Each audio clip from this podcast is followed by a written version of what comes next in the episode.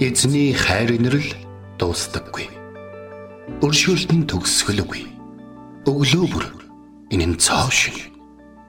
Таны ихтгэлт байдал юутай аавгаавэ. Хермоны шүүдэр өглөөний хөтөлбөр эхэлж байна.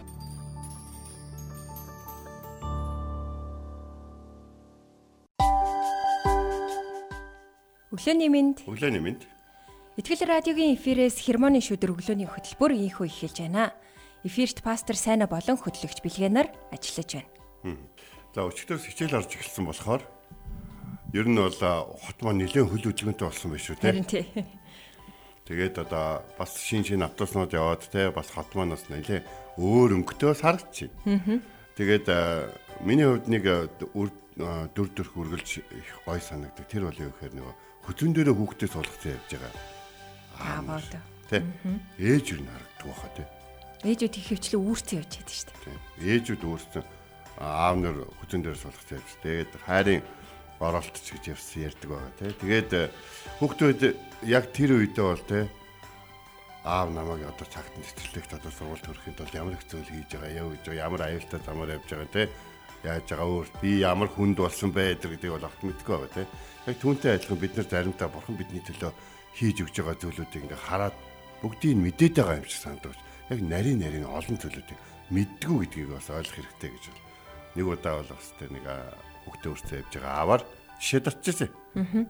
Тэгээд таныг сая тгээ хийсэн чи бид нэр заримдаа бурхан аавын те хийж байгаа зүйлийг мэдлгүй өнгөрдөг те бидний дотор хэрхэн ажиллаж байгааг ч гэсэндээ бид нэр заримдаа анзаардгүй шүү дээ. Тэгээ бурхан үргэлж бид нэртээ өдөр бүр цаг минут бүр ажилласаар байдаг тийм харин түүнийг нь сонсоод тэгээ үгийнхэн дагуу дуулууртаа явах нь хамгаас чухал байдаг. Тэгээд а фэйсбુક дээр алдарт номлогч нөгөө Джон Пайперийн нэг чимээгүй цагийн групп нэгдсэн байсан. Тэгээ өглөө болгон а чимээгүй цагууд нь орж байгаа магадгүй манай сонсогчдоос түүнээс уншдаг байх. Би нэг өдрийнхэн чимээгүй цагийн үгийг уншаад айгүй олзорхсан. Тэгэд тент ингэсэн байсан. Христэд итгэгч болох нь бус. Христ итгэлээр амьдрах нь сайн мэдээ юм аа. Химэн Джон Пайпер хэлсэн байсан. Бурхны хүчээр бид итгэлийн үүсийг тарина. Хүчийг өгдөг нь бурхан учраас өгөгч бурхан алдрыг авах зохистой юм аа гэдгийг сануулсан байсан. Бид нэр алдрыг авах байгаа юм шиг харин биднэрээр дамжуулан бурхан алдрыг авд юм аа. Хүчийг өгдөг нь бурхан юм бид түүний тусалцааг авч тэр алдрыг авдаг. Тийм учраас алдрыг авах зохистой нэгэнд энэ цагт алдар магтаалык өргөцгөөе. Байна.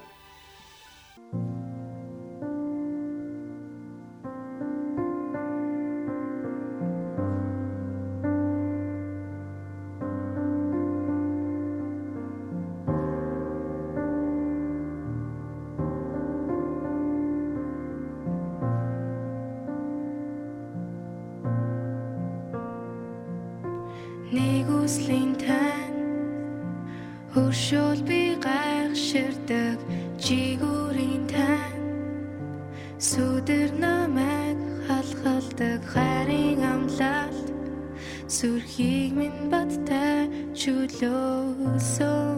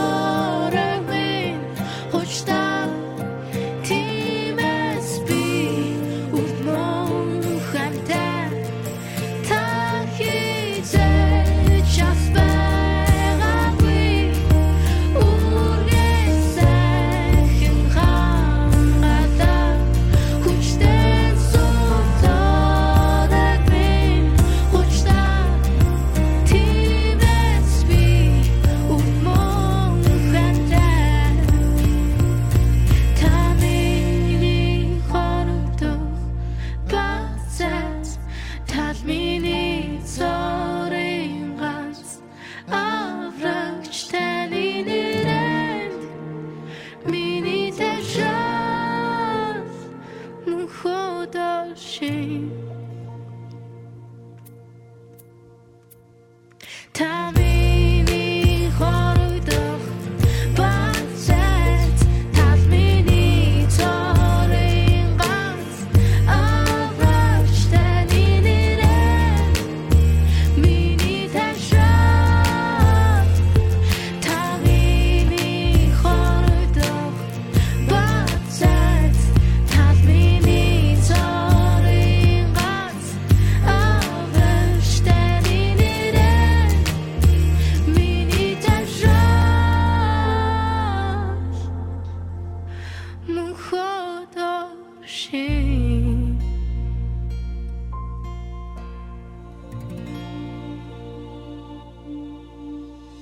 Өглөө бүр хайр инэрлээ надад сонсгооч. Танд л би итгэдэг үлээ. Явах замыг минь надад зааж өгөөч. Танд л би сэтгэлээ өргөн байна. Дуулал 143-ийн 8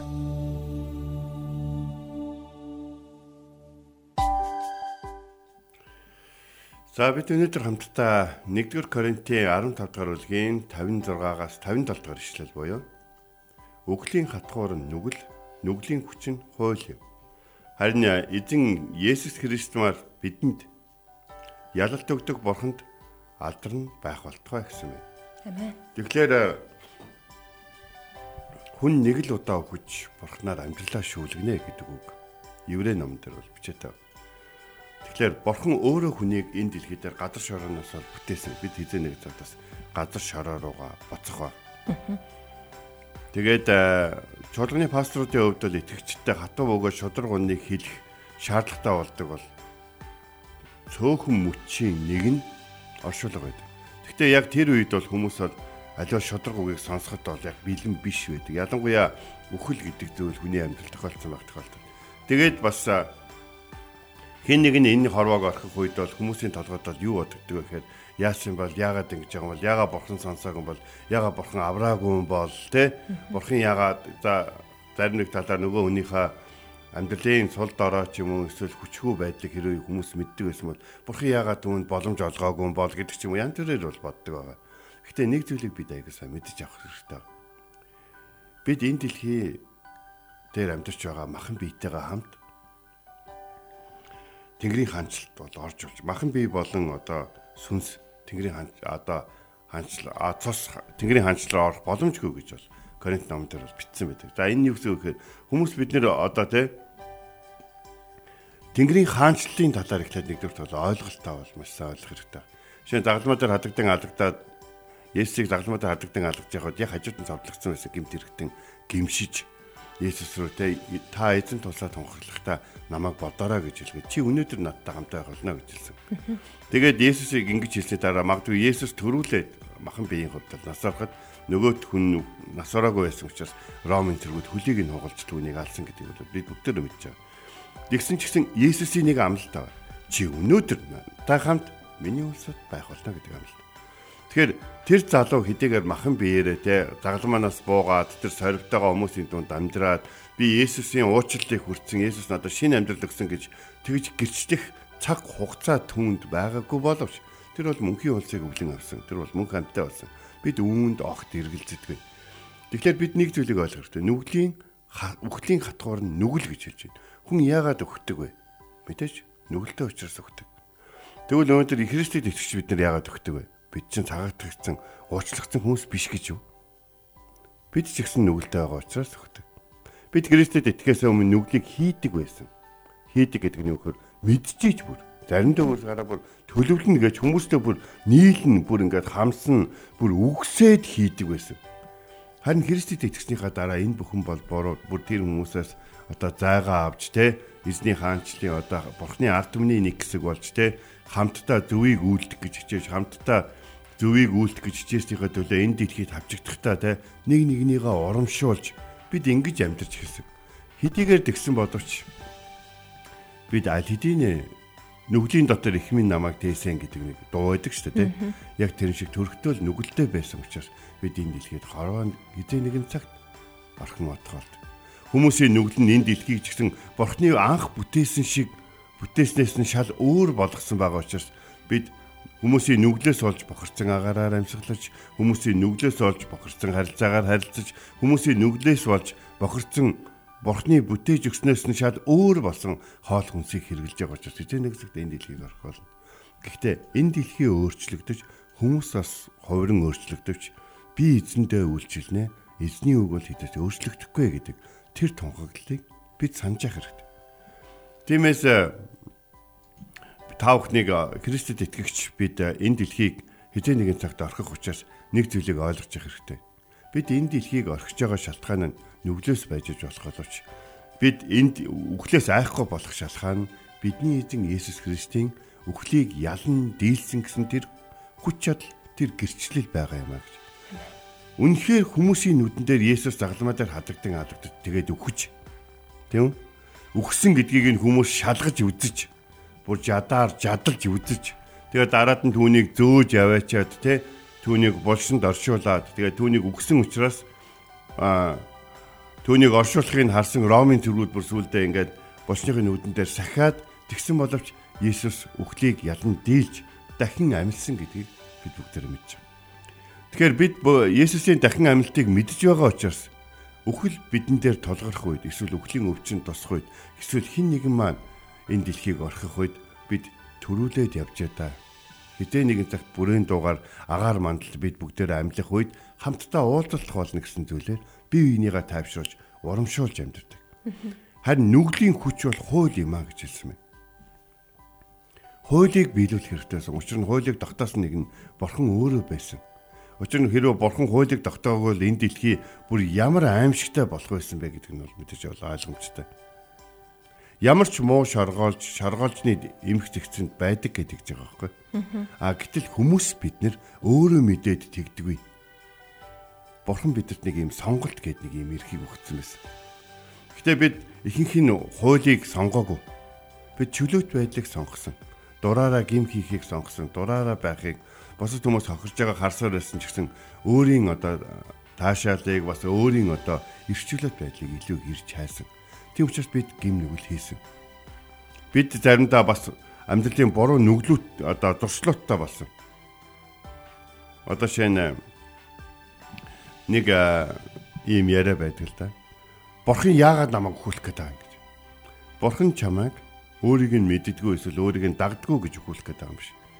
Чи зүгээр л өдөрт нэг хайрцаг тамхи татаад байгаа болохоор л өгч байгаа юм а гэж. Тэгтэл юу гэдгийг зарим хүмүүс бол тэгж бодоод байгаа ч тэр тамхи маавч юм уу тэр буруу туршлуудыг те одоо хүн надад хамаатай зүйл гэж бодоод байгаа те. Гэтэл энэ бурханд хамаатай байдаг. Бас бурхан энэ цаг үед бидний хүмүүсийн дунд амьдруулж байгаа тэр утга учирт тэр шалтгаан тэр төлөвлөгөөнд хамаатай байдаг. Бид өөрийнхоороо байснараа бурхны бидний энэ дэлхий дээр өгсөн 15 байна уу? 65 байна уу? 75 байна уу? Эсвэл 47 байна уу? Эдгээр он жилүүдэд хийж амжих байсан маш их олон зүйлүүдийг хийдгүй. Хийхийн оронд оронд нь бурхны огт төсөөгүй түн төрсөлсөн зүйлүүдийг хийдэг учраас энэ нь бурхны хуулийг зөрчиж, эсвэл энэ нь нүгэл болж энэ нь бидний өгөх шалтгаан болдог юм аа.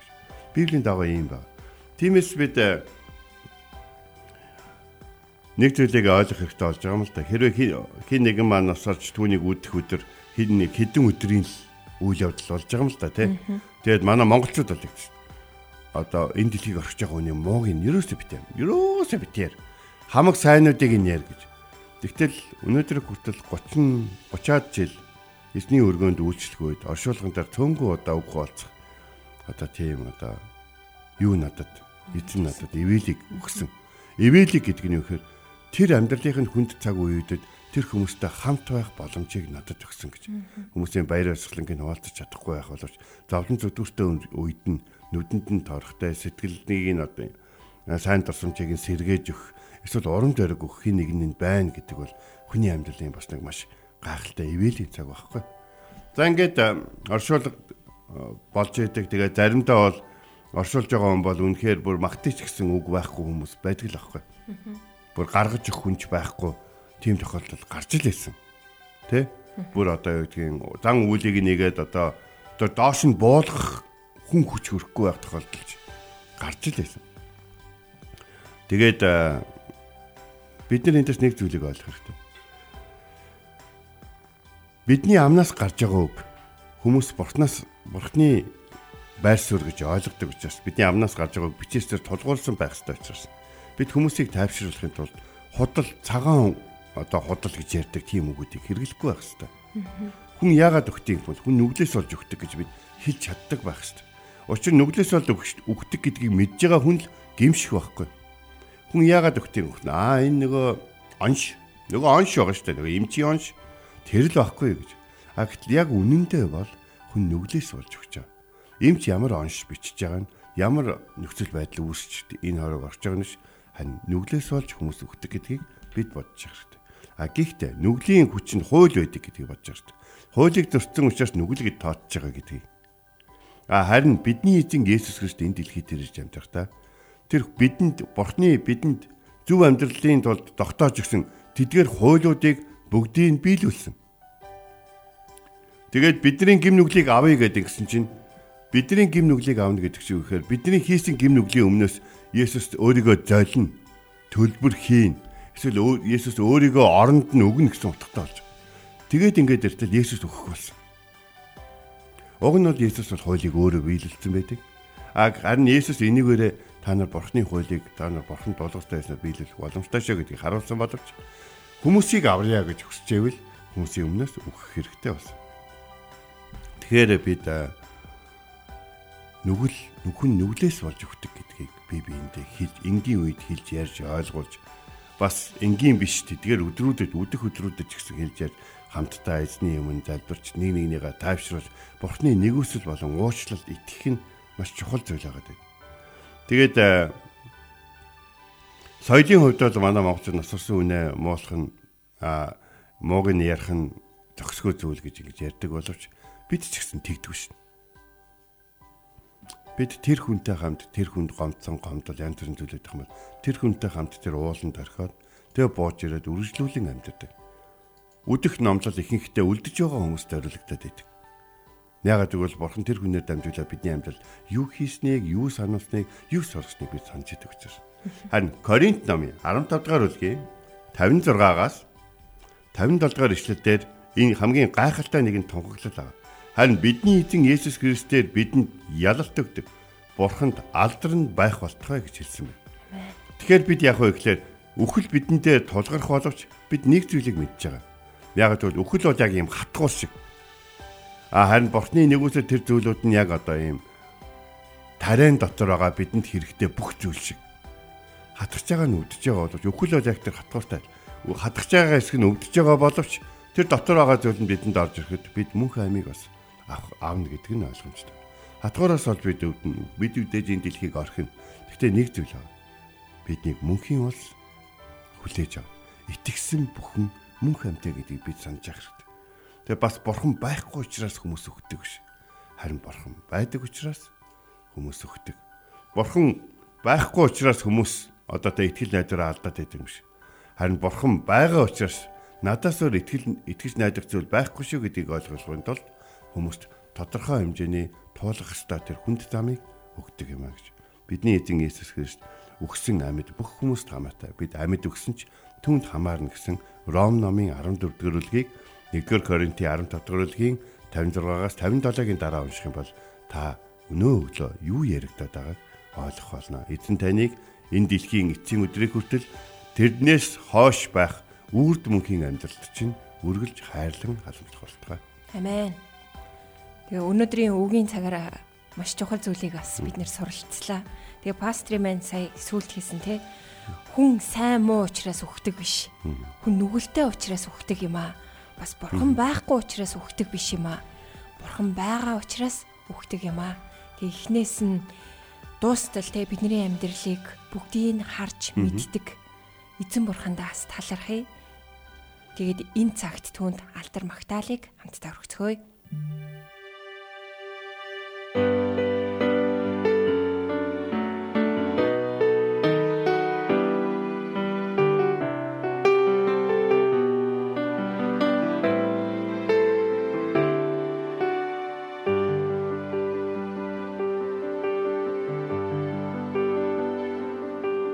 Та ихэн баэцэс ихлэл ба төгсгөл.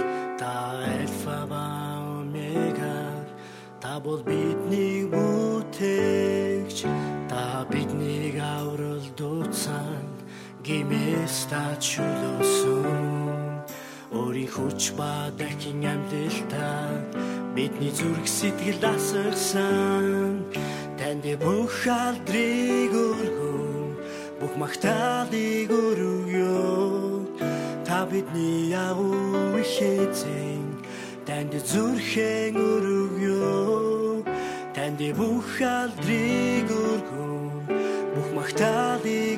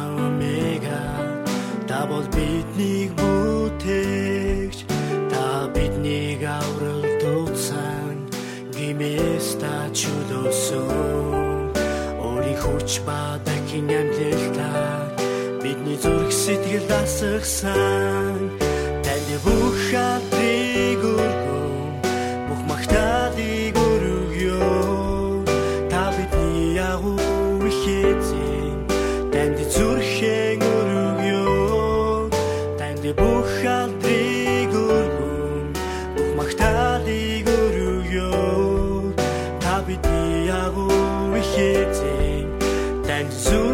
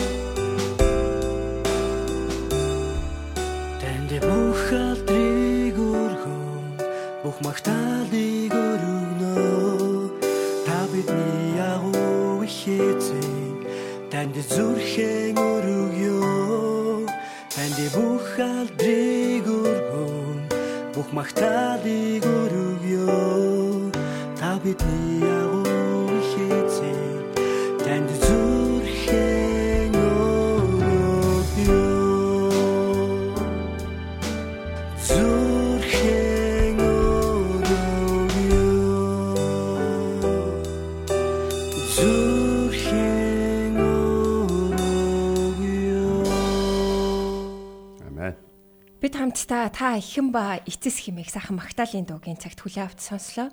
Тэгээ өнөөдрийн үгийн цагаараа бид 1-р Коринт номын 15 дахь бүлгийн 56-аас 57 дугаар ишлэлээс суралцлаа. Үхлийн хатхуур нь нүгэл. Нүглийн хүч нь хууль юм. Харин эзэн Есүс Христээр маань бидэнд ялалт өгдөг бурханд талархал нь байх болтугай. Тэгээд энэ ишлэлтэй холбоотой Библийн хуудасаар нэвтрүүлгийн маги пастор ийхүү бас тайлбарыг хэлсэн мэсэн олон хүн амжилттай бизнесмен байсан боловч эцэстээ өхөл тэднийг дийлдэг. Олон улс төрчид өндөр албан тушаалд очдогч эцэстээ тэд бас л үхдэг. Тэд өндөрлөгт хүрдэгч өхөл тэднийг ялдаг. Үхэл бол аимшигт мангас юм. Хэдий тийм ч гэсэн Христ тэр замаар явсан. Ялалт хэрхэн өгөгддөг вэ? Бид ухаантай сэргэлэн ялагч болохоро мэдээж үгүй. Ялалт бол бидний эзэн Есүс Христээр дамжуулан ирдэг зүйл юм аа. Илчлэлт номын 12 дугаар бүлгийн 11-т хэлснээр хурганы цусаар сатаныг ялан дийлдэг. Энэ бол цор ганц зам юм аа. Амен. Бид нарыг өөрийн цусаараа солин золин авсан эзэнд энэ цагт талархан түүний өмнө ирж залбирах цагийг хамтдаа гаргацгаая. Орчлын ертөнцийг бүтээсэн эзэм таны хайр инэрл баярлалаа. Бидний нүр их хөдөлмөр хичээл зүтгэл эрэл хайгуул эзэн дотор хоосон зүйл биш гэдгийг өнөөдөр бидэнд ойлгуулж өгсөн учраас баярлалаа. Тэгээд эзэн минь таны бидний төлөө загламаа дээр хийсэн тэр зүйлийг таны бидний төлөө цусаа орсгсон бас үхлийг ялан дийлсэн тэр зүйлийг санаж. Тэгэд энэ бүхэн нь яг бид бид хүн тус болгонд ховчлон өгөгдсөн зүйл гэдгийг санаж бид бөөндө хин нэгний ард орж өөрийн өчүүхэн сул дорой байдал болон гим нүглийг халахлан эзэн таны улсад мөн орох боломжгүй харин Христийн тусаар бүгдийг илчилж бүхнийг гимшиж харин таны нүмер дор таны шүүдэр дор тэр улсад орох боломжтой таны нэрийн дор орох боломжтой гэдгийг санаж явахад туслаач Есүс. Тэгээд эзний үйл хэрэгт үргэлж бэлгсэн байхад тэгээд бид үнэхээр Иесус Христээр танаар ирсэн энэхүү ялалтыг бурханд алдар болгон талархал болгон өргөдөг байхад туслаач. Яг энэ цөмчөд өнөөдөр бидэнтэй хамт залбирж байгаа хүн болгоны амьдралд нь ажил дээр нь хийж бодож байгаа зүйл дээр нь зүрх сэтгэл доторх өөртөөгөө тэмцэлдэх тэмцэл дээр нь сэтгэлийн шарах уучлж чадахгүй байгаа дурсамжууд өөрийг нь зовоодаг тэргээр бүх зүйлүүд тэр бүхэл тэмцлийн талбарт эзэн минь та ялалтыг өгөөч гэж танилцахгүй чинь. Хуулийн дагуу танаас ямар ч гин нүгэл олж хараагүй шиг биднийг ч гэсэн эзэн Есүс Христийн тусаар хочих үед ямар ч гин нүгэл олж харахгүй байхад туслаач. Танаас нуух зүйл энэ дэлхий дээр байхгүй. Танаас дал зүйл энэ дэлхий дээр байхгүй. Гимшээгүй хүлийн зөвшөөрөөгүй зүйл байгаад эзэн та энэ цамчид уучлж ариутхан цэвэрлэж өгөөрэй. Та байдаг учраас итгэсэн бүхэн мөнх амьтаа байдаг үлээ. Өгөл биднийг айлгахгүй, дийлэхгүй. Энэ өдрийг бидэнд өгөөч. Бид танд энэ өдрийг алдар болгон өргөхөд туслаач. Есүс таны нэрээр залбирanгуйлаа. Амен. Энд хүрээд Хермоны шүдэр өглөөний хөтөлбөр өндөрлөж байна. Бидэнтэй хамт байсан сонсогч танд баярлалаа. Эзэн таныг Харж хандах болтугай.